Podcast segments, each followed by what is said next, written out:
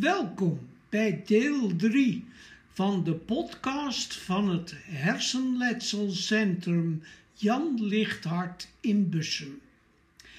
Gemaakt door en voor deelnemers aan de dagbesteding. Onder eindredactie van Frans Rechtien. Deze keer het samengaan van Jan Lichthart met de organisatie Interact Contour, digitale dagbesteding en een interview met Carmen Maurer en haar dochter Maxime over hun bijzondere relatie met dieren.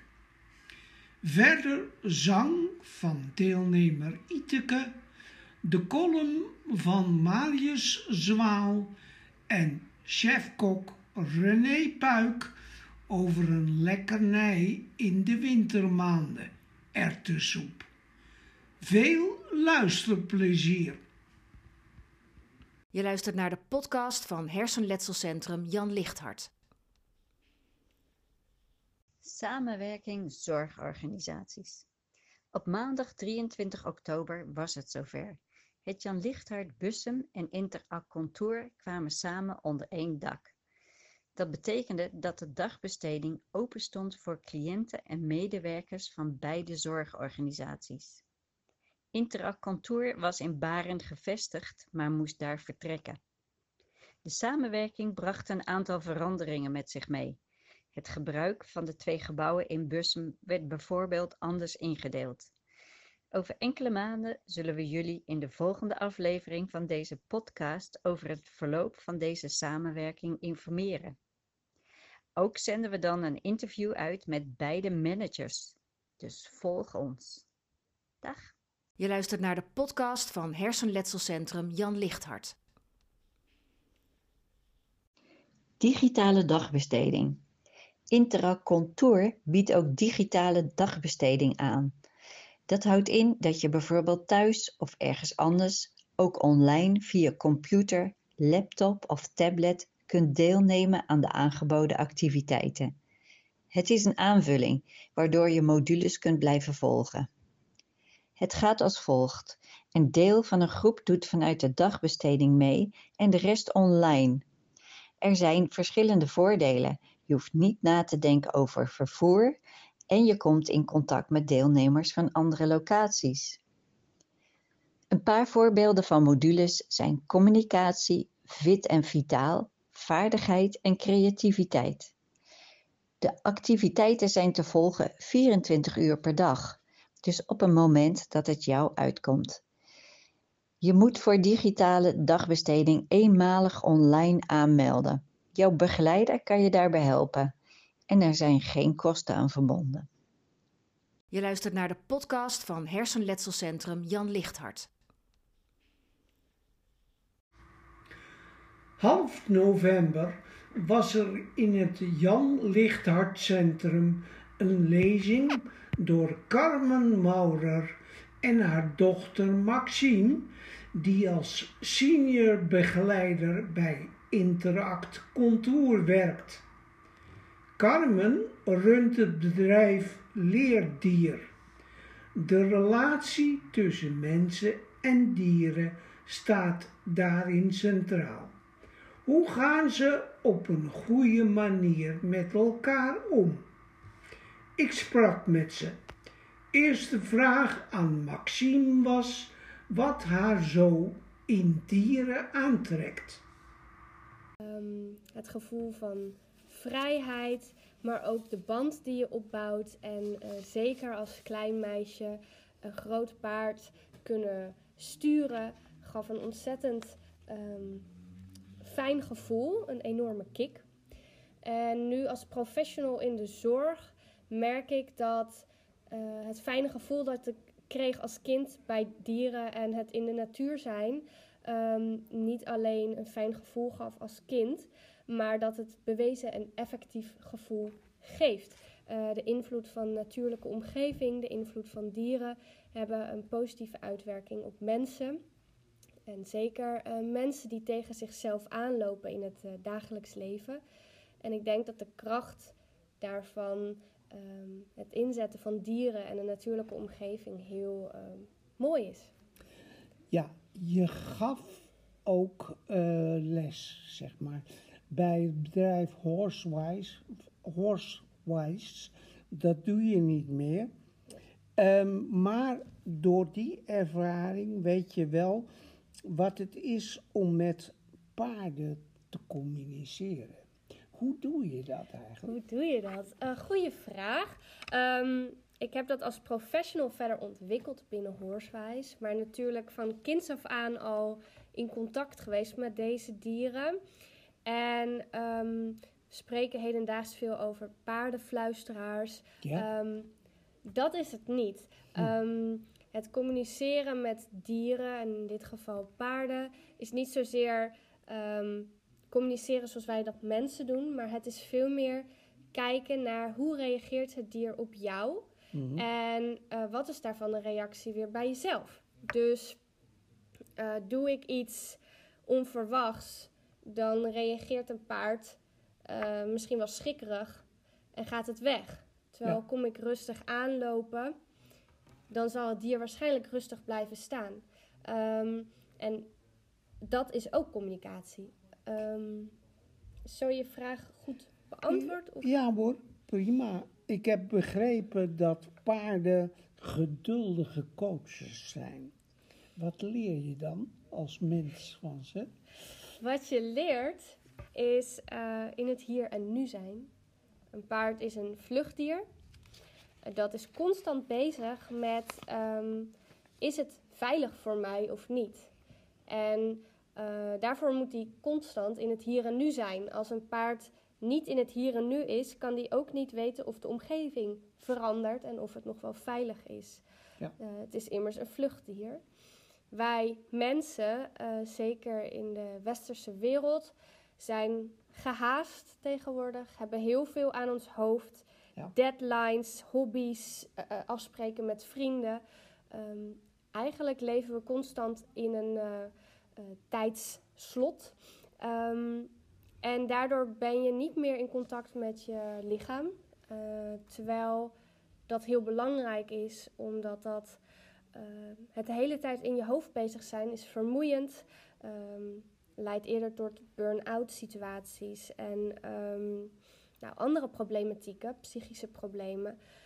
Dus wat een paardje kan leren is het hier en, uh, in het hier en nu zijn. En weer even terugkomen bij jezelf wacht even, waar, waarom ben ik hier ook alweer? En oh, ik mag even doorademen in plaats van tien minuten lang mijn adem inhouden. Um. Dan uh, naar moeder Carmen. Carmen, je hebt een eigen bedrijf, www.leerdier.nl, gespecialiseerd in het geven van dierondersteunende therapie aan mensen met diverse problematieken. Wat houdt dat in? Welke problematieken zijn dat? Nou, dat zijn hele diverse problematieken. Dat kunnen bijvoorbeeld mensen zijn met autisme, uh, mensen ja. met, maar ook bijvoorbeeld mensen met uh, dementie, kinderen, kinderen Ja. met Down-syndroom, uh, kinderen met een beperking. Geldt ook overigens voor volwassenen. Dus eigenlijk heel veel mensen die op de een of andere manier zeggen van ik kan wel steuntje in de rug gebruiken. Ik loop bij mezelf tegen iets aan en daar zou ik graag therapie voor krijgen. En dan is het fijne van uh, dierondersteunende therapie dat dat een therapievorm is waar vaak minder gepraat wordt Ja. en heel veel wordt gedaan. En waar je ook niet alleen met een therapeut in therapie bent, maar waar er ook een dier aanwezig is. Ja. En uh, dieren waar ik dan veel mee werk in mijn praktijk, dat zijn paarden en honden. Ja, honden ook. Ja, ook honden ook. andere beesten. Ja, ik werk soms ook nog met kinderboerderijdieren. Ja. En uh, dat zijn dan bijvoorbeeld konijnen, maar ook kippen, ezeltjes, schapen. Dus daar werk ik ook mee. Maar in mijn eigen praktijk werk ik vooral met uh, honden en uh, paarden. Ja. Um, kinderen leren ervaringsgericht. Ja. Dat zeggen jullie, dat, dat benadrukken jullie. wat betekent dat in de praktijk? Wat doen ze dan? Ja, het is eigenlijk niet, niet zozeer dat kinderen ervaringsgericht leren, maar als je dus therapie krijgt met dieren, dan gaat het om een ervaringsgerichte therapie. En dat betekent dat je eigenlijk over jezelf leert door dingen te gaan doen. En die dingen die je gaat doen, dat zijn activiteiten met het therapiedier. Hm. Dus bijvoorbeeld, uh, Maxime gaf net al het een en ander aan over wat je van een paard kan leren. Maar een ander iets is wat je van een paard kan leren, is hoe je grenzen aan kunt geven. Ja. Er zijn mensen die hebben moeite om een grenzen aan te geven, bijvoorbeeld in het werk. En uh, nou, dat resulteert erin dat ze dan veel te veel werk op een bordje krijgen. Hè? Want de collega kan misschien wel die grenzen aangeven. Nou, dan kan het heel fijn zijn om dat eens met een paard te oefenen. Ja. Uh, en dan leer je dus hoe je zo'n groot dier buiten jouw eigen gebiedje wil houden. Hè? Um, nou, en als je dus leert om zo'n groot dier de grens aan te kunnen geven, dan ge geeft dat ook heel veel vaardigheden, ontdek je dan aldoende, die je kunt toepassen, bijvoorbeeld op je werk. Ja. En dan ga je natuurlijk niet alleen met dat dier die oefening doen, maar je gaat de oefening doen en dan ga je daar met de therapeut uh, het over hebben. En kijken van wat leer je van die oefening, Ja. welke kwaliteit heb je nodig en hoe kan je die ontwikkelen bij jezelf. Een dier wordt ook getraind om met mensen om te gaan. Hoe doe je dat? Ja, nou waar het om gaat is dat als je kijkt naar welke dieren zijn geschikt om uh, bij therapie ingezet te worden, dan kijk je in de opvoeding van het dier of de dieren het leuk vinden om met mensen om te gaan. Want je hebt dieren die dat heel erg leuk vinden en je hebt dieren die dat wat minder leuk vinden, gewoon van nature. Nou, en in de opleiding van de dieren, dan kijk je dus, zijn het dieren die leuk vinden om met mensen om te gaan, maar die bijvoorbeeld ook heel goed tegen bepaalde spanning kunnen. Uh, die het leuk vinden om met verschillende mensen bezig te zijn. Die bijvoorbeeld goed kunnen luisteren. Want je Ja. hebt ook honden die bijvoorbeeld helemaal niet luisteren van nature. Ja, die zijn wat minder geschikt vaak voor uh, therapeutische doeleinden. Hè. Binnen therapie willen we wel graag dat een hond het leuk vindt om bij de therapie aanwezig te zijn. Dan willen we ook graag dat hij een klein beetje luistert. Een klein beetje voorspelbaar is af en toe. Dus dat zijn dingen die je eigenlijk binnen de opvoeding van een jonge hond ga je dan kijken. Nou, hoe, hoe ontwikkelt hij zich? Wat heeft hij voor karakter? Hm. En dan wordt er een inschatting gemaakt of die eh, geschikt is om eh, opgeleid te worden tot therapiehond. Dan krijgen ze een zware opleiding. Eh, en als ze die helemaal goed doorlopen, dan eh, zijn ze therapiehond, zijn ze opgeleid. En dan gaan ze samen met een therapeut ook nog een heel inwerktraject in, voordat ze echt als eh, therapiehond gaan werken. Hoe ga je eigenlijk om met kinderen die eh, bang zijn? Nou, kinderen die bang zijn, dan hangt er vanaf hoe bang ze zijn. Eh, kijk, niet voor iedereen is dierondersteunende therapie eh, een goede therapie. Als je heel erg bang bent voor dieren, ja, dan kan het zijn dat dierondersteunende therapie niet geschikt voor je is. Eh, wat ook kan, is dat dieren bang zijn en zeggen: we willen graag van die angst af. Nou, dan gaan we samen met het kind kijken hoe we hele kleine stapjes kunnen maken om ervoor te zorgen dat ze na een heel aantal sessies, want dat gaat niet zo snel, ehm, eh, bijvoorbeeld wel in contact durven komen met de therapiehond. Ja. En Maxime Maurer en haar moeder zijn te vinden op www.leerdier.nl. Je luistert naar de podcast van Hersenletselcentrum Jan Lichthart. Tijd voor onze vaste columnist Marius Zwaal. Dit keer heeft hij het over het feit dat er ondanks NAH veel waardevols overblijft dat kleur aan je leven kan geven. Pech onderweg. Jezelf met de geloverde natuurkundige Stephen Hawking vergelijken is geen pure arrogantie als je jezelf niet meet aan zijn intellectuele overwicht, waarover hij tot aan zijn dood in 2018 beschikte. Als ik tot me door probeer te laten dringen welke enorme tegenslagen hij gekend heeft, dan word ik daar stil van. Natuurlijk.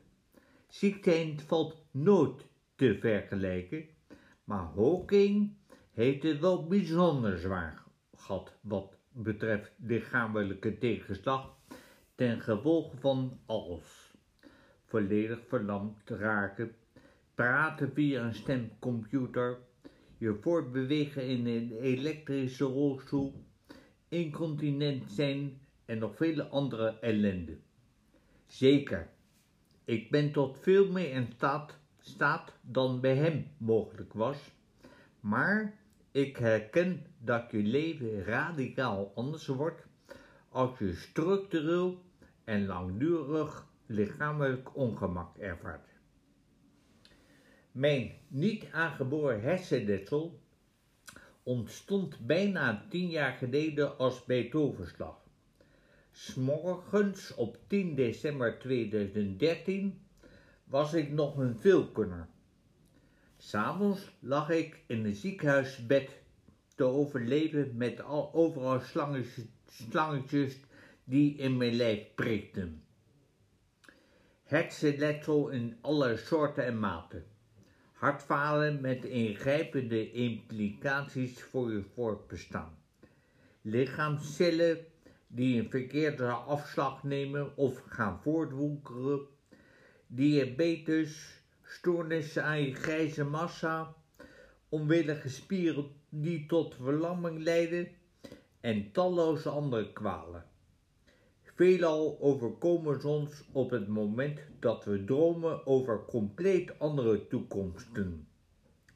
Beatles-icoon John Lennon zei ooit: Life is what's happening to you while making other plans. Zo'n twee jaar geleden heb ik op de podcast van vriend en lotgenoot Frans Rechtien columns ingesproken die over Deven na pech onderweg gaan. De doelgroep van toehoorders was toen ter tijd logischerwijs de groep mensen die ook met NAH te maken hebben gekregen.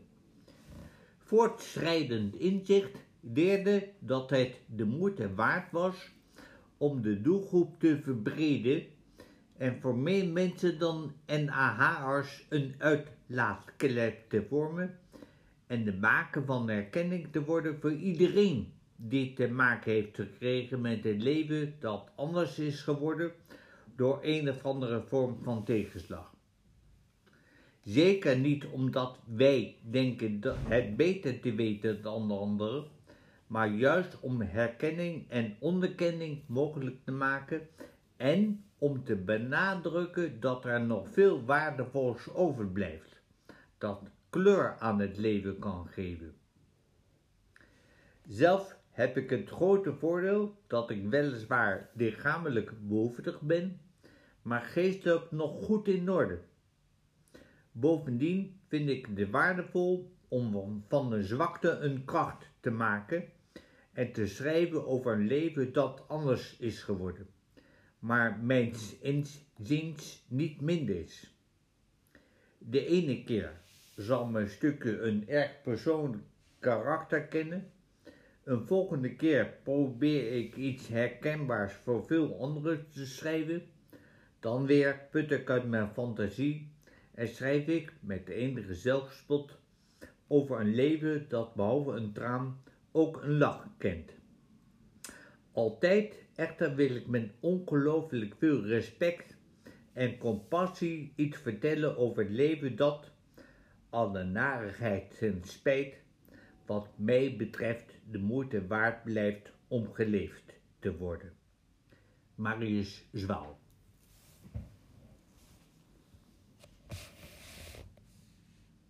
Je luistert naar de podcast van Hersenletselcentrum Jan Lichthart.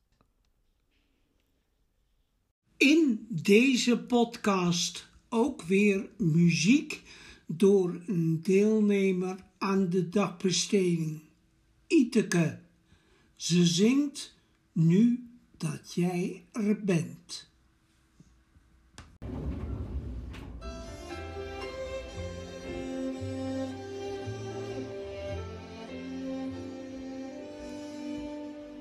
Als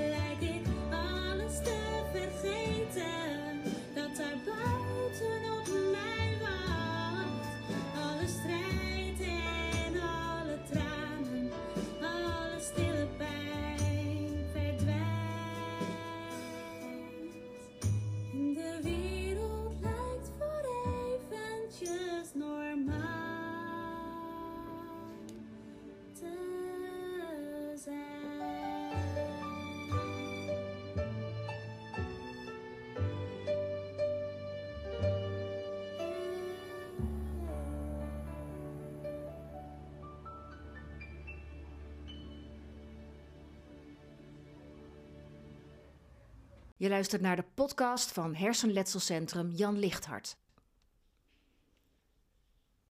De wintermaanden staan weer voor de deur. En wat is er dan lekkerder dan een heerlijk kop erwtensoep met een lekkere rookworst. De bijdrage is van chef-kok René Puik. Kokkerellen met René Puik. Erwtensoep. Erwtensoep met stukjes worst wordt meestal gegeten in de winter. De soep die gemaakt is van erwten heeft een lange geschiedenis. De soep is al bekend van oude Griekse beschavingen van circa 500 voor Christus, maar werd mogelijk al vele eeuwen daarvoor in Azië bereid. In Noordwest- en Oost-Europa zijn dikke varianten populair. Ook in Canada, de VS, Australië, India en het Midden-Oosten worden varianten geserveerd, soms minder gebonden dan het traditionele Nederlandse gerecht. Het eerste Nederlandse recept voor snert dateert uit het begin van de 16e eeuw. De hoeveelheden en de keus van verdere ingrediënten variëren. Sommige traditionele recepten voor snert geven naast splitterten als enige groente knolselderij en prei, andere wortel en ui. Naast wortel, knolselderij, prei en ui kan ook aardappel toegevoegd worden. Aardappels vallen tijdens het langdurig koken uit elkaar en zorgen ervoor dat de soep sneller dik wordt. Andere groentes die toegevoegd worden zijn bleekselderij of bladselderij. De soep bevatte vaak vet varkensvlees, zoals krabbetjes, speklap, carbonade of varkenspoot. Tegenwoordig houden de mensen het bij carbonades, want erg vet eten is niet meer in trek en ook niet gezond. Rookworst is nog wel een standaard ingrediënt. Door de kenners wordt erwtensoep pas snert genoemd als de soep een nacht heeft gestaan, Daardoor wordt de soep bijzonder dik. Op het internet zijn veel recepten te vinden voor het maken van dit heerlijke wintergerecht. Prachtig. Een paar zegswijzen met het woord soep. De soep wordt nooit zo heet gegeten als ze wordt opgediend. Zo moeilijk als het wordt verteld of voorgesteld, is het meestal niet. Hij zit in de soep. Hij zit in verlegenheid in de problemen. Daar wordt de soep aardig dun van. Door die gebeurtenis wordt de situatie minder aangenaam. Dat is linkersoep. Dat is gevaarlijk. In de soep lopen. Volledig mislukken van een plan. Het is niet veel soeps. Het stelt niet veel voor. Je luistert naar de podcast van Hersenletselcentrum Jan Lichthart. Dit was de derde aflevering van de podcast Hersenletselcentrum Jan Lichthart in Bussum. In de volgende, eind februari 2024, een interview over hoe de samenwerking met Interact Contour tot nu toe is verlopen. Ook weer aandacht voor een lezing, de column, een recept en muziek van cliënten. Ik hoor graag reacties op www.fransrechtienapenstaart.nl